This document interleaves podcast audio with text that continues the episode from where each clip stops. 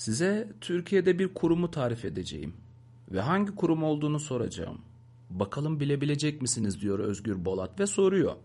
İnsanların dört duvar içinde tutulduğu, belirli saatlerde avluya çıkma izni olan, müdür tarafından yönetilen, insanların belirli ölçülere göre sınıflandırıldığı, her gün yoklama yapılan, koridorlarında yetkililerin nöbet tuttuğu, ziyaretçilerin girişte imza attığı, katı kuralları olan, kural ihlallerinin disiplin suçu ile cezalandırıldığı, müfettişler tarafından sıkı denetimlere tabi olan, sorgulama hakkının kısıtlı olduğu, çıkışta insanlarda sevinç duygusu uyandıran kurum hangisidir? A. Hapishane B. Okul Eğitim. Hmm. Türkçe'de sözlük anlamı birinin akla uygun, fiziksel ve moral gelişmesi üzerine etki yaparak çeşitli davranış yatkınlıkları, bilgi ve görgü aşılayarak önceden tespit edilmiş amaçlara göre onun belirli bir yönde gelişmesini sağlamak, terbiye etmek olan eğitmek kelimesinden türetilmiştir. İngilizce ve diğer Avrupa dillerinde education olarak adlandırılır ve semantik açıdan Latince'de educare fiilinden gelir inşa etmek, ayağa kaldırmak, dikmek manasındadır. Köpeklerin de eğitildiği bir dünyada insan eğitimini köpek eğitiminden ayıran nedir? Peki insanlık Platon'un akademisi ve Aristoteles'in lisesinden bu yana neler yaptı eğitim adına? Size bu podcast'i hiçbir vasfı olmayan Kerimcam Durmaz'ın milyonluk konserler verdiği, dahi anlamındaki D'yi ayıramayan liseli Çağatay Akman'ın kitap çıkardığı, üniversite mezunu olmayan Instagram fenomenlerinin üniversitelerde söyleşilere gittiği, edebiyatın, sanatın en diplerini yaşayan 2020 Türkiye'sinin ilk gününden yapıyorum. Arılar sineklere balın boktan daha iyi olduğunu açıklamaya çalışmakla vakit kaybetmezler. Fakat bugünün konusu eğitim ve kimse bu podcast serisi bitene kadar kendini ne arı ne sinek sanmasın. Ali Murat Güven'in şöyle bir serzenişi var. Dünya üzerinde 18 yaşına gelmiş her vatandaşın mutlaka üniversiteye gitmesi gerektiğine ve gitmediğinde de cahil kalacağına inanılan tek ülke Türkiye'dir. O yüzden de Türkiye bir üniversite çöplüğüne dönüşmüştür. Türkiye'nin nüfusu hayatta hiçbir iş kolunda uzmanlaşamamış, 24-25 yaşına kadar ekonomik döngüye girmemiş, üretici konumuna geçememiş milyonlarca diplomalı işsizle doludur. Oysa kendisine teslim edilen bir evi muhteşem şekilde boyayan ve sahibine teslim eden lise mezunu bir boyacı, o evin musluklarını yapan lise mezunu bir sıhhi tesisatçı, elektrik hatlarını döşeyen lise mezunu bir elektrikçi çalışan, üreten, vergi ödeyen kendisine, ailesine, ülkesine ve insanlığa fa fayda sağlayan bireyler olarak binlerce niteliksiz üniversite mezunundan çok daha değerlidir. En gelişmiş batı toplumlarında üniversite mezunlarının genel nüfusu oranı %10-15'i geçmezken Türkiye'de ise liseyi bitiren herkesin okumaya yatkınlığı olmasa bile üniversiteye gitmesi Allah'ın emri gibi olmuştur. Bu koflukta üretim, tüketim, üretime katılım dengesi açısından adım adım ülkenin felaketini getirmektedir. Güçlü bir ülkede esas olan insanların son derece sağlam bir lise eğitimi aracılığı ile 18 yaşının sonunda meslek sahibi yapmak ve o yıldan itibaren ekonomiye kazandırmaktır. Üniversiteye gitmesi gerekenler ise akademik eğitimde ilerlemeye yatkın olanlardır. Milyonlarca genç tepeden tırnağa yanlış planlanmış eğitim sistemi içinde hayatlarının en az 4-5 yılını ziyan etti ve erken yaşta geçerli bir mesleğin sahibi olup üretici konumuna geçme şansını kaybetti. Hmm, haklı bir serzeniş. Öte yandan Kim Kiyosaki daha sert bir şekilde mevzuyu toparlamış. Şöyle diyor kendisi. Okul sisteminde para kazanma hakkında bir şey öğrenmemizi istemezler. Çünkü söz dinleyen iyi işçiler üretmek isterler. Yani okula bakarsanız gerekenler gerçek hayatta başarılı olmak için gerekenlerin tam tersidir. Hata yapma, söyleneni yap, sınavları tek başına yap, işbirliği yapma ve son şey sadece bir doğru cevap vardır. Hayır, bir problemin tonlarca çözümü vardır. Yani okuldan çıktığında şöylesindir. Hata yapmaktan ölümüne korkuyorsun, her şeyi kendin yapıyorsun, işbirliği yapmıyorsun, sinerji birliktelik yok ve sadece bir doğru cevap var. Herkes doğru cevabı istiyor. Tek bir doğru cevap, doğru cevap yok. Bence okuldan çıktıklarında insanlar felç oluyor. Bence okul sistemi çocuğun öğrenme ruhunu öldürdüğü için suçlu. Bilirsiniz bazı çocuklar okuluna heyecanla gider. Bir şeyler öğreneceğim harika olacak falan derler. Ve öğretmen otur yerine kapa çeneni der. Konuşma neyle ilgilendiğin umurumuzda değil. Milli Eğitim Bakanlığı'nda çalışan bir öğretmen gök kuşağı gibi çocuklar renk körü öğretmenlerinin gözüne girmeye çalışıyorlar diyor. Sanırım yeter bu kadar sistemi ve sistemin adamlarını gömdüğümüz. Peki çok tarihsel arka planı olan bu eğitim macerası nerelerden gelmiş? Yolculuğunda hangi toplumlarda, hangi duraklarda durmuş? Devamlı kafelerde, arkadaş ortamlarında entelektüel birliktelerle eğitim sistemi çok yanlış abi ya diye diye birbirimizi delirttiğimiz bu sistemi hiç derinlikli düşündük mü? Gelin biz Finlandiya ya da Norveç'in eğitim sistemine mal gibi bakmak yerine filmi biraz daha geriye alalım. Bu arada şunu diyemeden geçemeyeceğim. Vakti zamanında Milli Eğitim Bakanlığı'nda işinin ehli bir bürokrat kendi personeli için bana şöyle demişti. Bu dal, bu dal kavuklara para verip Norveç'in Finlandiya'nın eğitim modellerini incelesinler diye gönderiyoruz. Gidiyorlar orada bir Türk dönerci dükkanı bulup döner yiyip fotoğraf çekilip geri geliyorlar. Bu da böyle saçma bir anekdotum. Anım olarak tarihe geçsin. Neyse ne diyorduk? Filmi birazdan biraz geri saracaktık değil mi? Hadi başlayalım. İlk çağlarda ve antik dönemde eğitim nasıldı? İlk çağlar deyimi yazının icadı bu yaklaşık önce 4-5 bin yıla kadar uzanan bir dönemle İsa'nın doğumunu izleyen 4 ve 5. yüzyıla kadarki zaman aralığıdır. Bu geniş zaman aralığında antik dönemin yeri önemlidir. Eğitimin tarihini daha eski dönemlerden değil de antik dönemden başlatmak daha uygun olur. Antik dönem milattan önce 4. ve 3. yüzyıl ile milattan sonra 3. ve 4. yüzyıllar olarak görülebilir. Bu dönemde eğitim işi düşünsel bir problem olarak görülmeye başlamıştır. Çünkü bu dönemde eğitim önemli bir araştırma konusu olarak ele alınıp incelenmiştir. Birçok düşünür eğitimin ne olduğunu ve nasıl yapılması gerektiği konusunda önemli fikirler ileri sürmüştür. İlk çağlarda ve antik dönemde eğitim incelenirken Doğu ve Batı'da önemli uygarlıklara sahip milletler veya devletlerdeki eğitim yaklaşımları esas alınmıştır. Bunlar şöyle sıralanabilir. Mısırlılar, Çinliler, Hintliler, Yunanlılar. Bu podcast'imizde bu kadim dünya halklarının eğitime nasıl yaklaştıklarını incelememiz gerektiğini düşündüm. Ve bölüm bölüm yapıp e, gerekli uzunlukta belki bir 2-3 bölüm olarak vermeyi düşünüyorum ki yavaş yavaş dediğim gibi kafelerde orada burada devamlı her yerde karşımıza cıvık bir tonla çıkan abi bu eğitim sistemi çok yanlış ya muhabbetini bir kenara bırakacağız. Kendimden tiksindim şu sesi yaparken. İlk olarak Mısır'la başlayalım. Mısırlar tarihi milattan önce 3000'li yıllara kadar gider. Nil Nehri'nin etrafında bulunan Mısır halkı tarihin ilk devirlerinde büyük bir medeniyet kurmuştur. Mısırlıların en parlak medeniyeti milattan önce 1400 yıl önce olan Ramses devrine aittir. Mısır medeniyetinin oluşmasında Nil Nehri'nin ve Mısır'ın tabi özelliklerinin büyük etkisi vardır. Tarıma dayalı bu toplumda Nil Nehri'nin her yıl taşması ve suyunu çekmesi bazı bilim dallarının gelişmesine neden olmuştur. Meteoroloji ve astroloji bilimleri sayesinde zamanı olaylara ayırmak ve takvim yapmak gibi ihtiyaçlar Nil Nehri'nin taşması ile ilgili bulunmaktadır. Yine suların taşmasından ötürü tarlaların sınırlarını ortadan kalkmasıyla doğan anlaşmazlıkların önlenmesi için hukuk bilimi, Kuraklık zamanlarının tarlaya sulayabilmek için açılacak kanallardan da topografya ve mühendislik bilimleri doğmuştur. Belli bir refah düzeyine ulaşan Mısır'da tıp bilimi de önemli ölçüde gelişmiştir. Tanrılık iddiasında bulunan firavunların mumyaları ve kalıntılarında bulunan beyin ameliyatı izleri Mısır'da tıp biliminin geliştiğini göstermektedir. Tüm bunlar Mısırlılarda matematik ve geometrinin de geliştiğine işaret etmektedir. Mısırlarda okul teşkilatı kurulmuştu. Okul teşkilatının bir kısmı ilkokul, diğer bir kısmı ise orta ve yüksek öğrenim şeklindeydi.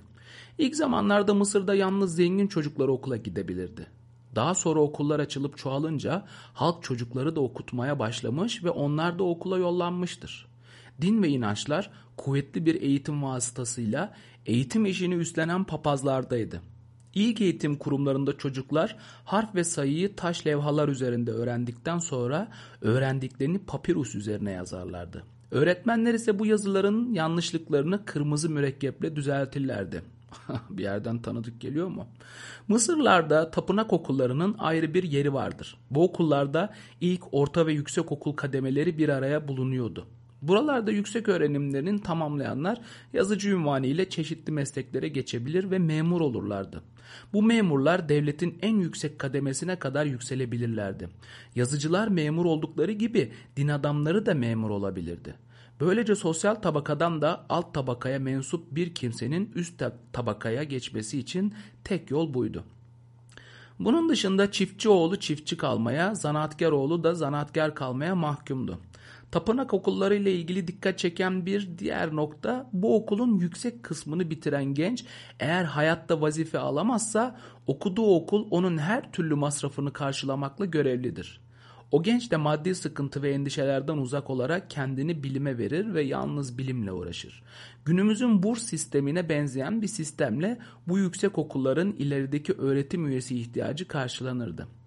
Tapınak okulları hem yatılı hem de gündüzlü olarak öğretim yapar ve bu okullarda zenginlerle fakirler yan yana olurlardı. Fakat yalnızca zengin çocukları yatılı kalabilme hakkına sahiplerdi. Mısır'ın kitap sarayları burada okuyan gençlere sonuna kadar açıktı. Acaba Mısır medeniyetini yükselten bu okullarda okuyan bu gençler miydi diye sormamak elde değil.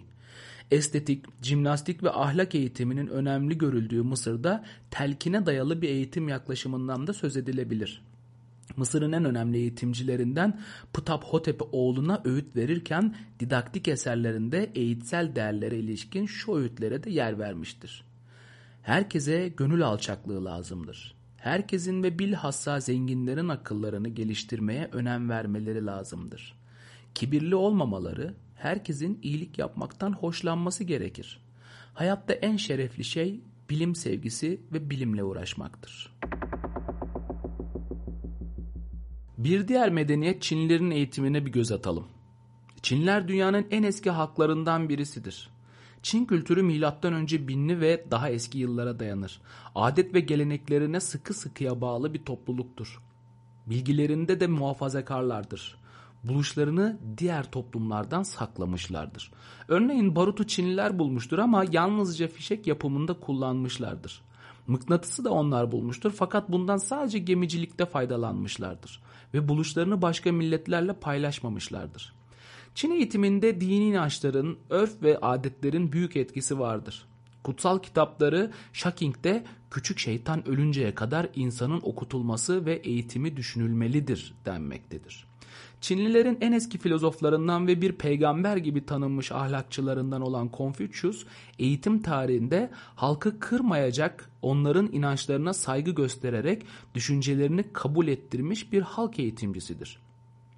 Ona göre eğitimin amacı erdemli insanlar yetiştirmektir. Güçlükleri yenmeyi birinci ödev olarak kabul eden ve ödülü sonraya bırakan bir kimseye erdemli denir. Çinlilerde eğitim kurumlarının yaygın olduğu söylenmektedir. Milattan önce 220 yılında Shaking kitabında Eğitim Bakanlığından bahsedildiğine rastlanılmıştır. Çin'de yüksek tabakanın okuyacağı saray okulları mevcuttur. Buralarda yazı öğretilir, daha sonraları da parçalar ezberletilirdi. Çin'de prensler 8 yaşında memur çocukları ise 13 yaşında saray okullarına kabul edilirlerdi. Çin'de öğretmen kutsal bir varlık olarak görülürdü. Öğretmene gösterilen saygı ölünceye kadar devam ederdi. Hatta bayramlarda en yaşlı öğretmen adına kurban kesmek bir adetti. Çinlilerin önemli pedagoglarından Lao Tse, insanlar arasında iyiliği ve fazileti telkin edenler bilhassa öğretmenler olması gerektiğini söylemiştir. Öğretmenler hayırsever olmalı, sözleri aydın bulunmalı, ruhunda insana karşı daima sevgi taşımalı ve öğreteceği şeylerden kanaat sahibi olmalıdır. Lao Tse'ye göre bir mesele hakkında kanaati olmadan öğretmek başarısızlık ve fikirlerde karışıklık meydana getirir. Bir de Hintlerde eğitim sistemine kısa tarihsel bir bakış atalım. Tarihin ve medeniyetin en eski orijinal kavimlerinden biri de Hintlilerdir. Hint Yarımadası'nda yaşayan Hint toplumunun eğitiminde dini inançların etkisi büyüktür. Hint toplumuna egemen olan felsefi iki din ya da öğreti vardır. Bunlar Brahmanizm ve Budizm'dir. Hindistan'da Brahmanizm dinine bağlı olarak kas sistemi egemendir. Kas sisteminde halk Brahman, asker, esnaf ve köle olarak dörde ayrılmıştır. Bunlardan birinden diğerine geçilemezdi. Kas sistemi eğitim sistemini de etkilemiştir. Eğitim işini üstlenenler Brahmanlar denen din adamlarıdır. Brahmanların kutsal bilinmesi öğrencilerin öğretmenlerine karşı itaati ve saygılı olmasını kolaylaştırmıştır. Öğretmen babadan üstün sayılırdı hatta o derece. Eğitimin amacı Brahma'ya ulaşmak ve böylece mutluluğu yakalamaktır. Brahma'ya ulaşmak için irade eğitimi önemlidir. Önce 600 yıllarında yaşamış olan Buda asıl adı Sitara'dır. Brahmanizmi biraz yumuşatmak istemiştir. Gerçeğe ermiş, nura ermiş anlamına gelen Buda kas sistemini ortadan kaldırmaya çalışmıştır. Eğitimin amacı Nirvana'ya ulaşmaktır. Nirvana'nın felsefesi anlamı hiçliktir, yokluktur. Ahlaki eğitimin önemlisi böyle olmalıdır. Bu eğitim amacı bütün acıların ve ıstırapların kökü olan duyu organlarının disiplin altına alınmasıdır. Eğitimde tutkulara hakim olmak başlıca ödevlerdendir. Yunanlılarda ve Spartalılardaki eğitime de değinelim. Antik Yunan denilince öncelikli olarak bugünkü Türkiye ve Yunanistan topraklarına yayılmış bir coğrafi bölge ve bu bölgede yaşayan halklar ve site devletleri akla gelmektedir. Siteler bir şehirle onun etrafındaki köylerden meydana gelmekteydi ve siteler aristokratik bir sistemle kurulmuşlardı. En önemli site devletleri Sparta ve Atina adını taşımaktaydı. Sparta ve Atina sitelerinin eğitim sistemleri iki ana model olarak ortaya çıkmıştır. Fakat Atina eğitim sistemi egemen bir duruma geçerek ön planda yer almıştır. Tarihte Sparta şehir devleti bugünkü Mora Yarımadası'nın bir tarım devleti olarak yer almıştır. Bu devlet M.Ö. 8. yüzyıldan itibaren kuzeyden gelen Dorların göçleriyle oluşmuştur. Sparta'da eğitimin amacı iradeyi kuvvetlendirmek, bedeni kuvvetli ve zinde hale getirmek esasına dayanır ve gençler devlet tarafından toplum için yetiştirilirdi. Sparta'da eğitimin bu şekilde olmasında ülkenin sosyal durumunun büyük etkisi vardı. Çünkü ülkede azınlıkta olan bir egemen sınıf bir de köle sınıfı vardı. Egemen sınıf içten ve dıştan gelerek tehlikelere karşı kendini sürekli koruma refleksiyle beden eğitimi ve bu eğitimin amacı olan savaş eğitimine önem vermişti. Sparta gençleri askerler gibi kamplarda, çadırlarda yaşayan her zaman askeri eğitim görürler ve beden eğitimi yapmak zorunda kalırlardı. Antik Yunan uygarlığını iki fikir yönetmekteydi. Bunlardan birincisi insan yani kişi fikriydi. İkincisi ise site yani devlet yani toplum kavramıydı. Sparta'da hakim olan anlayış ise kuşkusuz ikincisine yani devlet yani toplum kavramına dayanmaktadır. Bu görüş en net ifadesiyle güzel, çevik, gönlü tok, işte atak, dayanıklı, tam ve olgun insanlar yetiştirmek, ülkesine yabancı kesimlerin girmesine izin vermeyen kapalı bir toplumun getirdiği askeri icaplarla sürekli askeri bir kışla kurmak olarak özetlenebilir. Biliyorum aklınıza hep 300 Spartalılar geliyor. Haksız da sayılmazsınız. Sparta'da çocuk 5 yaşına kadar annesinin yanında kalıyordu. Çocuklar 7 yaşından sonra tamamen devlete ait oluyorlardı. Çocukların savaşçı yetiştirilmeleri için bir askeri eğitim kurumu vardı. Bu eğitim tarzında çocuklar 3 gruba ayrılmışlardı. Birinci grup 7-12 yaş, ikinci grubu 12-15 yaş, üçüncü grubu ise 15-20 yaş arası çocuklar oluşturuyordu. Bütün eğitim askeri beden eğitimi olarak geçer. Bundan başka ayrıca okuma yazma, ahlaka dair metinler öğretilir ve marşlar ezberletilirdi. Çocuklar önce konuşmayı ve yüzmeyi öğreniyorlardı. Sonra kollarına kuvvet verecek alıştırmaları örneğin koşma, sıçrama, güreş, disk atma, ok atma gibi bunlardan ibaret 5 tane oyun öğreniyorlardı.